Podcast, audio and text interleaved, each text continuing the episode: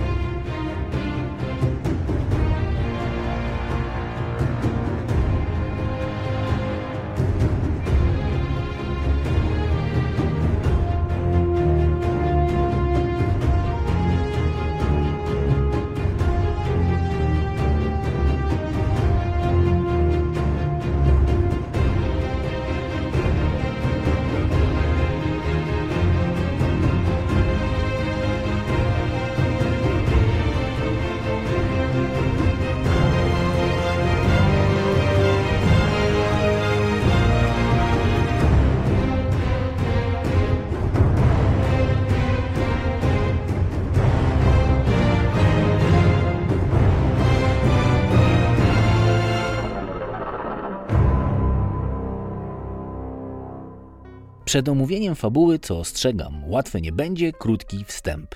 Gra o Tron to przede wszystkim adaptacja sagi fantazy, pieśni lodu i ognia pisanej przez charyzmatycznego pisarza George'a R. R. Martina. Ta wielka historia została zaplanowana przez autora na 7 tomów, z czego dotychczas opublikowano 5. Zatem, choć serial się skończył, historia ciągle trwa. A co się zdarzy na końcu? Gdzie pokręcona wyobraźnia pisarza nas doprowadzi? No tego nie wie nikt. No dobra, to teraz dwa słowa o czym ta gra o tron właściwie jest. Choć dwa słowa w przypadku tej wielkiej sagi zdecydowanie nie wystarczą, żeby oddać całe te wspaniałe niuanse, które śledziło od lat miliony widzów. No dobra, to zaczynamy. W świecie, w którym dzieje się akcja tego serialu są trzy kontynenty. Sotoros, Essos i Westeros. I właśnie na nim dzieje się większość kluczowych dla akcji wydarzeń. Westeros to kraina siedmiu wielkich księstw, rządzonych jedną ręką przez króla, Utracjusza, Pijaka i Lenia. I nagle król umiera na polowaniu. Tron żelaza wykuty z setek pokonanych wrogów nagle jest pusty. I zaczyna się jadka. Każdy z wielkich rodów nagle uświadamia sobie, że rządzenie całym krajem jest na wyciągnięcie ręki. I tak północ rządzona przez rodzinę Starków, która od zawsze samodzielna, a kiedyś niepodległa, nagle chce się oddzielić. Południe z królową wdową Cersei za wszelką cenę chce zostać przy władzy i z własnym bratem, z którym ma dzieci, robią wszystko, żeby to właśnie ich potomstwo przejęło koronę. Na wschodzie bogaci baronowie nagle uświadamiają sobie, że po śmierci króla nie muszą wysyłać już danin do stolicy i chcą to utrzymać, a wszelkiej maści kuzyni, bracia i krewni nagle czują apetyt na władzę.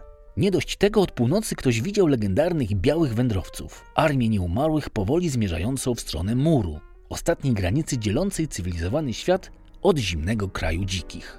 A, i jeszcze jest Kalesi, ostatnia z rodu Targaryenów, władców smoków, która już teraz dorosła próbuje odzyskać prawo do kiedyś utraconego tronu. Uwierzcie mi, tu naprawdę sporo się dzieje. Bo pomijając roszczenia do tronu, wśród samych rodzin też nie dzieje się dobrze. Synowie mają pretensje do ojców, matki mają pretensje do wyborów córek, porwania, pojedynki, narodziny smoków, uwalnianie miast pełnych niewolników, karły, olbrzymy, czary, śmierć, zrada i krew jest wszędzie.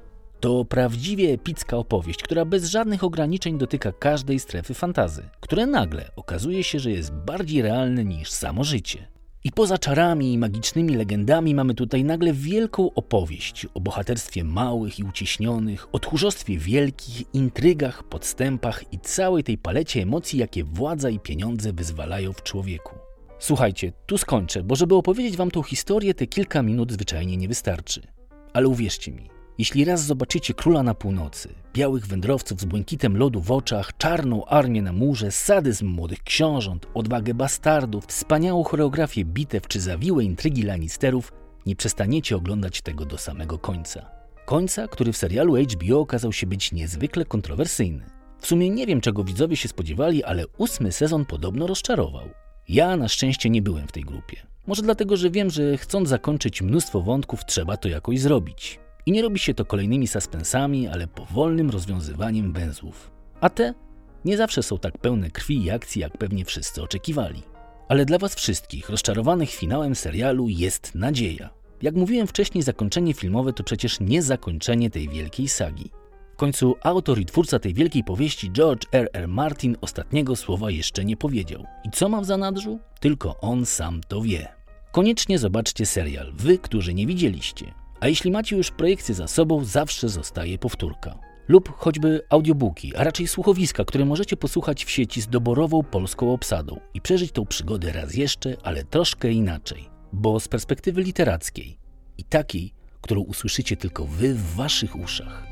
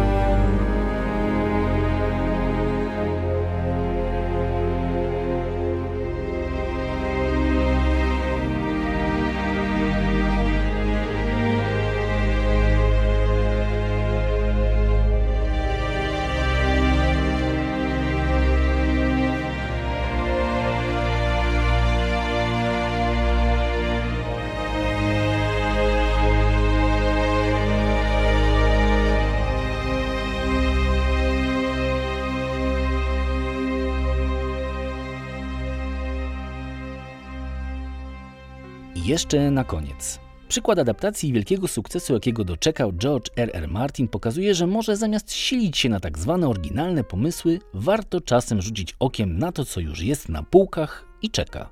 Bo przecież my również mamy wielkiego pisarza fantazy, tu w Polsce, który od lat czekał na taką samą, jeśli nie większą adaptację. I niestety się doczekał. Mówię tu oczywiście o Andrzeju Sapkowskim i jego wybitnym dziele, jakim jest historia Wiedźmina Geralda i jego przyszywanej córki Ciri. I choć były w Polsce próby podjęcia rękawicy i nakręcania tej historii, jak to się skończyło, każdy pamięta. Wielką żenadą. Ale przyszedł czas na Netflixa i wszyscy trzymali kciuka za Wiedźmina, który miał być wielką odpowiedzią na grę o tron konkurencyjnego HBO. No i skończyło się jak zawsze. Piękną katastrofą. Te całe nakręcanie ludzi, Tomasz Bagiński z wypiekami na twarzy sprzedający wizję o tym, jakie to będzie wspaniałe, jakie efekty, jakie cuda i... I wyszło jak zawsze, przynajmniej dla mnie – bo to taka produkcja klasy B, której bliżej do wojowniczej księżniczki Kseny niż do epickiej sagi, jaką jest Gra o Tron. Ja osobiście poczułem się rozczarowany przede wszystkim nudną reżyserią, okrojoną z właśnie obiecanej wizji. Poczułem się oszukany efektami i potworami z gumy, gdzie kilka gołych cycków, kilka pojedynków i zamek w ogrodzieńcu miało załatwić sprawę. Może to dlatego, że tak naprawdę jestem wielkim fanem Sapkowskiego, a może dlatego, że po prostu to jest słabe pozbawione napięcia, scenografii, rozmachu, który w takich opowieściach przecież jest kluczowy.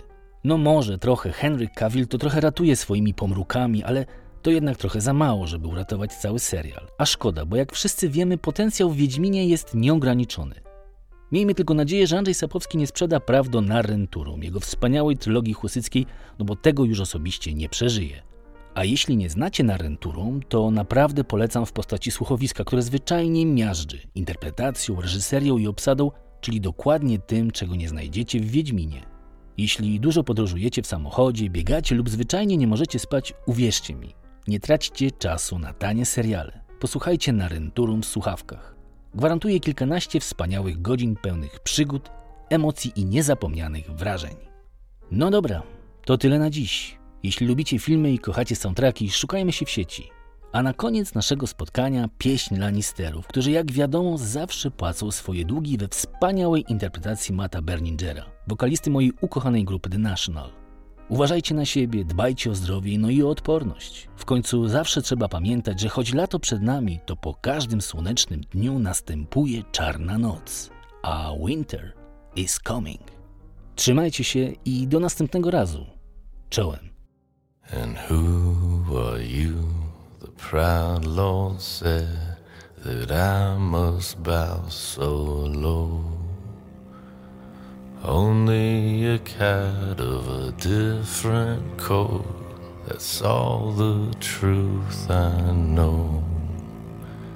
And a coat of gold or a coat of red, a lion still has claws and mine are long and sharp, my lord, as long and sharp as yours. And so we spoke, and so we spoke, that Lord of Castamere.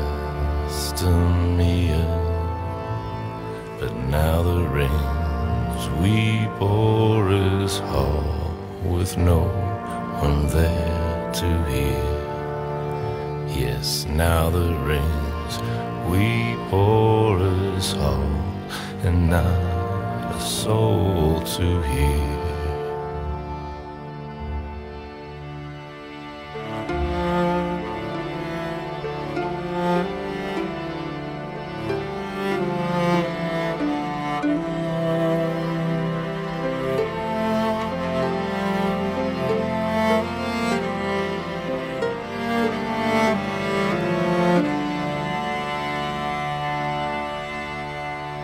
And so we spoke, and so we spoke, that Lord cast me in.